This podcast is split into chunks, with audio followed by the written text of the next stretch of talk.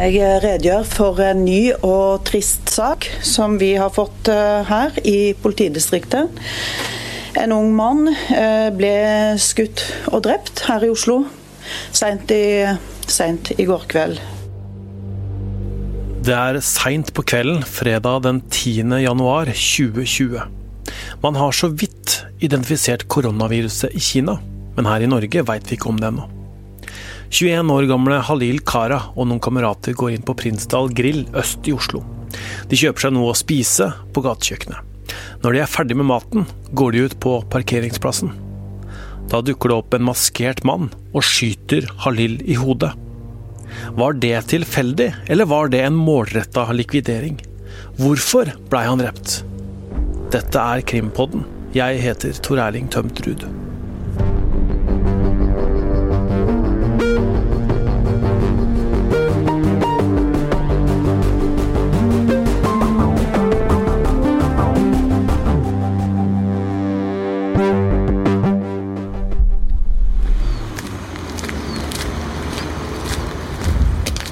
Hei. Forsinkelser? Ja, jeg tar buss. Du tar elbil. Ja. Ja, Sånn det skal være, er det ikke? sånn er det. Ja. Jeg møter krimkommentator Øystein Milli. Hvor er vi nå? Så her nå, men dette er det som da kalles Prinsdal grill. Og vi står jo nå på den parkeringsplassen hvor eh, dramatikken utspant seg. Det som skjedde, det skjedde jo akkurat foran oss her nå, Øystein. På denne ganske lille parkeringsplassen. Ja. Midt i Prinsdal sentrum, kall det det. da. Her er det jo bolighus, det er et par butikker og litt sånn forskjellig. ja. Hvis vi da går tilbake denne januarkvelden i 2020, hva var det som skjedde? Nei, da er det jo eh, tre kamerater vel som er inne og spiser eh, i lokalene bak oss her. Det er en kebab, hamburger, hamburger, pizzasjappe. Og de er der inne en, eh, en stund. fordi at mens de er der, så er det noen som jakter dem og ser at uh, de er der. Uh, så er det veldig mange ting bare for å si det med en gang, det er mange ting her som ikke er kjent, og som nok kanskje, kanskje noe blir kjent i, i, i retten. Andre ting får man kanskje aldri svar på. Men det man i hvert fall vet, er at når disse gutta kommer ut her, så er det noen som er klare til å angripe sånn påtalemyndigheten ser det. Da er det en maskert mann som eh, da enten står ute på plassen eller går ut av en bil og går bort og skyter ganske målretta den ene, som da dør. Så blir det jo da oppstandelse, selvfølgelig, når noe sånt skjer her. Og, de andre som da står rundt, disse to kompisene som har vært inne og spist sammen med han som da faktisk ja, dør på plassen rett foran oss her, de eh, prøver å gripe inn eh, og, og spør hva er det som skjer. Og så oppstår det noen tumulter, et slags basketak. Og det oppstår også en skade på en av, en av gutta. Så løper da den mannen som var maskert, vekk fra stedet her, ned gata her som vi står. De prøver vel å overmanne han på et slags vis, da, så de er jo flere. og Hvordan kommer han seg ut da? Nei, Han har vel en kniv, han blir opplyst, som han da ja, mm, så hvordan han, Om han bruker den, eller om den på en måte blir, treffer noen i, i kampens hete, det, det vet vi jo ikke. Men, eh, men han kommer seg i hvert fall løs, da, denne antatt gjerningsmannen. Og, så, og så løper han av gårde. Ifølge tiltalen så blir det stikket med en kniv, og en av dem som var med i kameratgjengen, fikk et kutt under det ene øyet og i låret. En fikk også en hodeskade etter å ha blitt slått av det som trolig er skytevåpenet. Og så er det jo da sånn at påtalemyndigheten mener at det er ytterligere to som er involvert. Eh, en mann som skal komme til stedet her med, med et våpen, og en annen mann. Så hvis det er noen som sitter i en bil, da, en eller to som sitter i en bil, ser at denne guttegjengen er inne og spiser, så er vel teorien at eh, de kontakter en annen som kommer med et våpen. Ja, det virker sånn. Man kunne tenke seg at man hadde med seg et våpen, men det, sånn som denne saken er opplyst, så virker det som om man oppdager disse, disse gutta, og da kanskje særlig den ene mannen som da, eller gutten som ble, ble drept.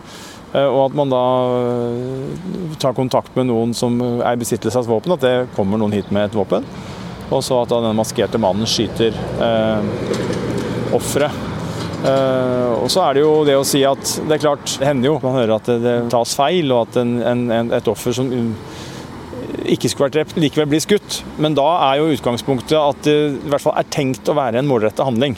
Og det, eh, Nå skal vi ta det forbeholdet og se hva som kommer frem i retten, men det som dette scenen som utspant seg her tyder på, er jo at det var en målrettet handling hvor man ønska å angripe noen når man kommer maskert ut av en bil med våpen.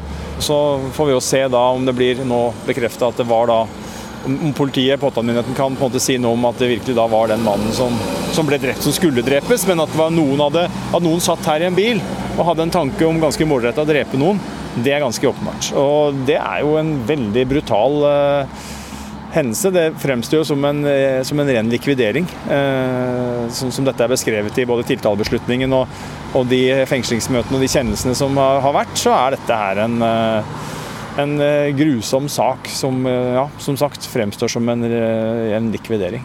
Vi er i en forstad utenfor Oslo. Hvorfor skjer en likvidering her?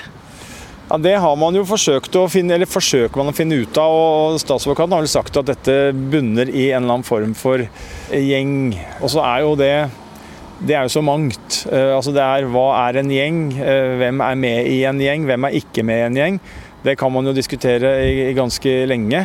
Eh, for dette er jo ikke noe sånn definert. Det er ikke noe medlemskap hvor at du er med og jeg er ikke med. Men det er sånn at man kjenner hverandre, og man er kanskje med med litt, eh, kanskje ikke så mye. Andre er veldig sentrale. Politiinspektør Grete Lien Metlid orienterte pressen om saken lørdag etter hendelsen. Her sa hun at handlingen virker målretta mot personen som nå er skutt og drept, og vi mener det ikke er noen fare for andre. Vi har annen informasjon i saken som underbygger dette, sier Metlid. Det fremstår målretta. Det fremstår ikke som at fornærmede, eller nå, den nå eh, avdøde, altså, er et eh, tilfeldig offer. Eh, det fremstår, eh, som jeg sa, eh, eh, som at det har vært en kontanthandling som har vært målretta mot denne personen som nå er skutt og drept. Her oppfordrer hun også gjerningspersonen om å melde seg. Eh, vi går ikke ut med navn og bilde på siktede nå. Jeg oppfordrer han sterkt til å melde seg for politiet, mener han bør gjøre det. Det er også snakk om at hendelsen kan ha noe med en konflikt i et gjengmiljø å gjøre. Han som ble drept er nemlig fra Mortensrud, og de som nå er tiltalt har hatt tilhold på Holmlia. Påtalemyndigheten har påpekt at det har vært en konflikt mellom folk fra Mortensrud og Holmlia lenge. Hei! Kan jeg kjøpe en pizza, eller? Nei, en, en, en kebab? Det er opp til deg. Med cola? Det er opp til deg. Ja, Bra. Kjøper det. Etter at Øystein har dratt videre i Teslaen sin, så går jeg inn på Prinsdal grill. Der møter jeg Jakob. Han jobba den kvelden drapet skjedde. Når han eh, gutter eh, ringte politi og skriker og ringer ambulansen Jakob var opptatt med å vaske lokalet, og fikk ikke med seg det som skjedde utafor, før han hørte roping. Jeg er den gutter. Ja. Kommer hit og spiser mat. Og så den klokka elleve på natta. Jeg jobber alene. Og så jeg går bak, vet ikke hva har skjedd ute. Jeg ser ikke. En kunde annen kommer, og han spurte meg du setter ute, ute hva har skjedd. Jeg sa nei. Derfor det er en vegg, to vegg oppå noe vann og vaske oppå vasken. Ok. Han sa jeg sitter ute. Jeg hørte ikke. Jeg sa nei. Derfor jeg vann, vann åpne kran. Jeg hørte ikke. Og så når uh, han sier han gutter ute, jeg er uh, selve redd, og så løper. Når løper han gutter er på gulvet. Han er altså på bakrommet og vasker da skuddene faller. Han får ikke med seg det som skjer, før det kommer en inn i gatekjøkkenet og roper hva som har skjedd. Da ser han at det er samlet mange folk utafor på parkeringsplassen. Jakob beskriver gutta som han serverte, som hyggelige. Den gutter fire stykker kommer inn, det er veldig hyggelig. Spiser mat, ha det bra, sier gutter. Ett fem minutter døde, og han mistet livet. Bare fem minutter. Derfor er jeg veldig, veldig redd. Hva skal jeg si, føler Du vet mange folk kommer Du snakker med hyggelig måte, jeg behandler en hyggelig måte. Jeg er nok på meg. Jeg er ikke noe bak og tenker hva han gjør. ikke sant? Pluss han kommer, en gutt eh, spiser kebab, andre spiser kebab. Den to gutter bestiller pizza. Spiser hyggelig måte, spiser, sier de ha det bra, ute står og røyker. Jeg rydder. Det får kveldstid. Jeg disken tar ut og. Etter fem minutter Jeg ser lever. Etter fem minutter jeg ser den mister livet. Jakob sa ha det til gutta, som hadde spist opp maten sin. Og så virker det som det er bare fem minutter etterpå, så er han ene død. Kokken blir henta inn til avhør hos politiet, men samme dag er det også minnestund i moskeen. Det er masse likedanne gutter. Folk. Jeg har aldri sett ikke så mye samlet eh, folk der på moské. Jævlig mye. Var du der eller på minnestunden? Jo. Jeg vært først den dagen på politiet også, på Grønland. Den spurte meg hva skjedde ditt og datt, og så jeg sier rett og slett vi, dere vi har tid. Jeg må dra. Eller ferdig eller ikke ferdig. Jeg må dra på moské. Han sier greit. Og så han spurte meg hva jeg vet. Jeg er sammen med deg, jeg forklarer. Etter han sier det er greit, ferdig Noen ganger jeg trenger, og jeg skal ringe deg. Eller jeg har fått hva jeg skal spørre deg. Det er greit. Jeg, når jeg kommer på moské, nesten 1000 mennesker. Derfor der hørte alle sammen. Det er veldig hyggelig og veldig snill gutt. Jeg sett aldri den plassen så mye folk.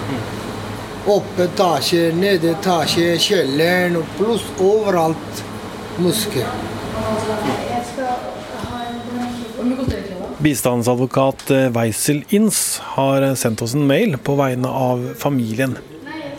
Han skriver Familien beskriver Halil Kara som en god gutt, som var veldig godt likt. Ikke bare godt likt av sin egen familie, men også blant venner, kollegaer og nærmiljøet. Jeg har med årene vært på en del minnestunder, men har aldri sett så mange mennesker samla på en minnestund som Halil Karas minnestund på Mortensrud. Veldig mange av vennene, kanskje opp mot 70-80 ungdommer fra Norge, ble også med familien til Antalya i Tyrkia i forbindelse med begravelsen. Det viser hvor godt likt Halil Kara var, i tillegg til å vise hvor stor sorg tapet av Halil Kara medførte nærmiljøet. Halil Kara har aldri hatt noen tilknytning til noe kriminelt miljø.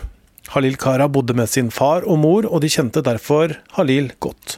Alle som kjente Halil Kara, og i hvert fall familien, visste at han ikke hadde noen som helst tilknytning til noe kriminelt miljø. Halil var heller ikke involvert i noen konflikter med noen.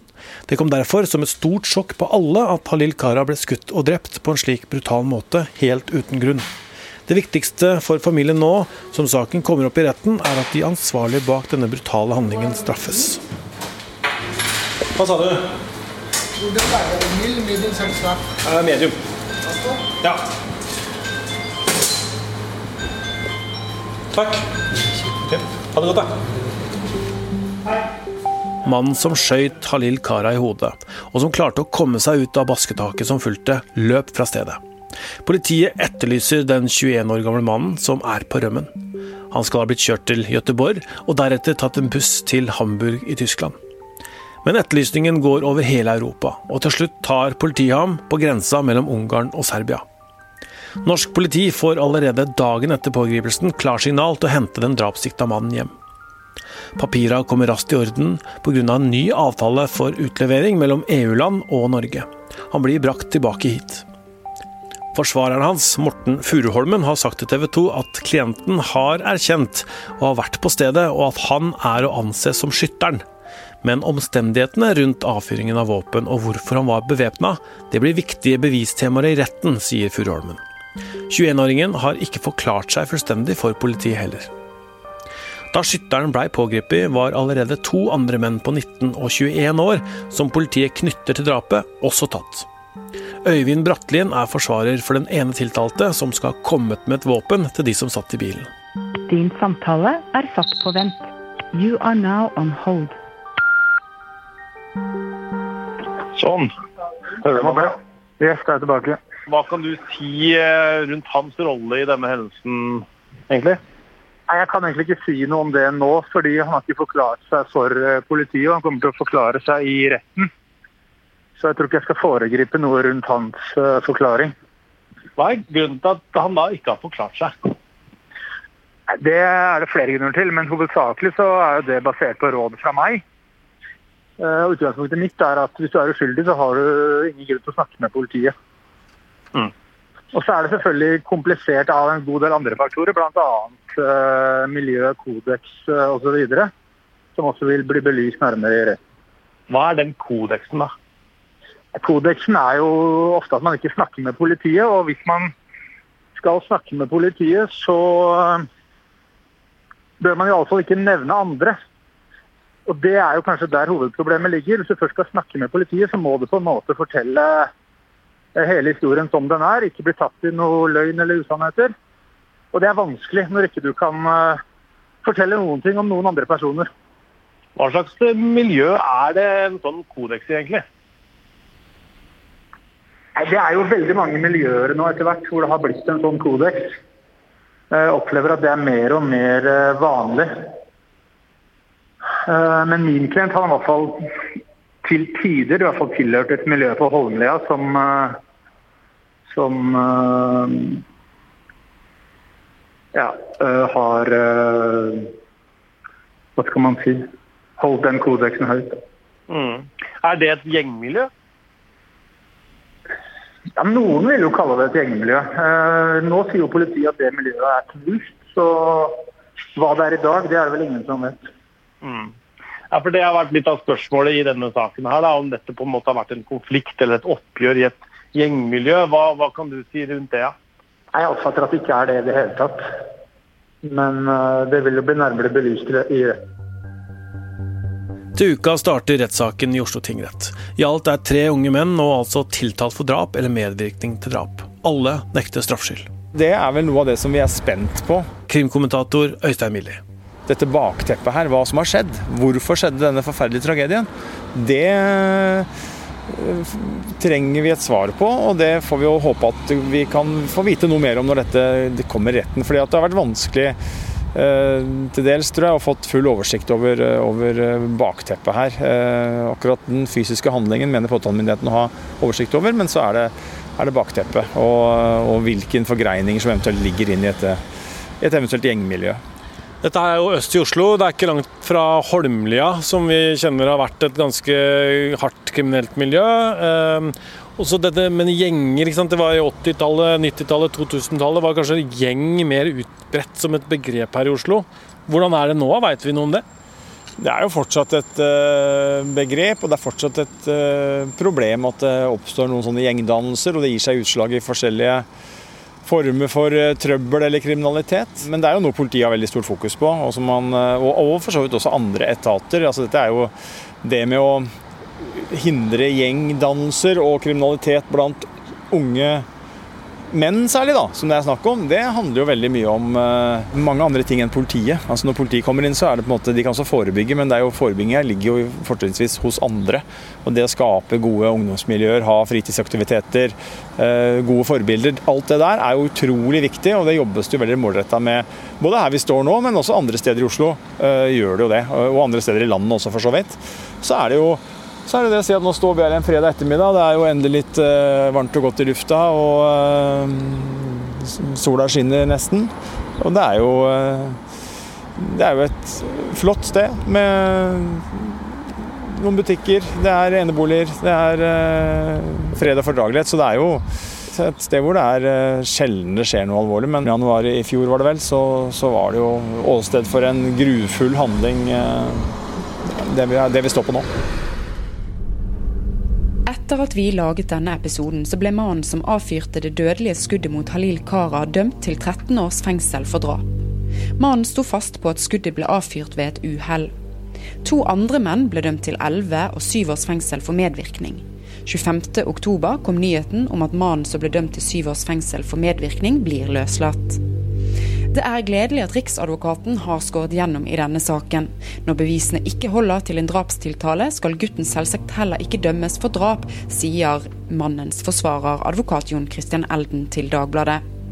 Han utdyper til VG at saken ikke er blitt behandlet på nytt i retten, men at Riksadvokaten har erklært at Oslo tingrett har tolket straffeloven feil, og vil oppheve drapsdommen. Mannen satt i en bil da Halil Kara ble drept utenfor Prinsdal grill på Mortensrud i Oslo i fjor vinter. Produsent for Krimpodden er Vilde Våren. Krimkommentator Øystein Milje er med. Ronny Furuvik lager musikken, og Magne Antonsen er teknisk ansvarlig. Jeg heter Tor Erling Tømt Ruud, og du møter oss i gruppa vår på Facebook, eller når oss på krimpodden at vg.no.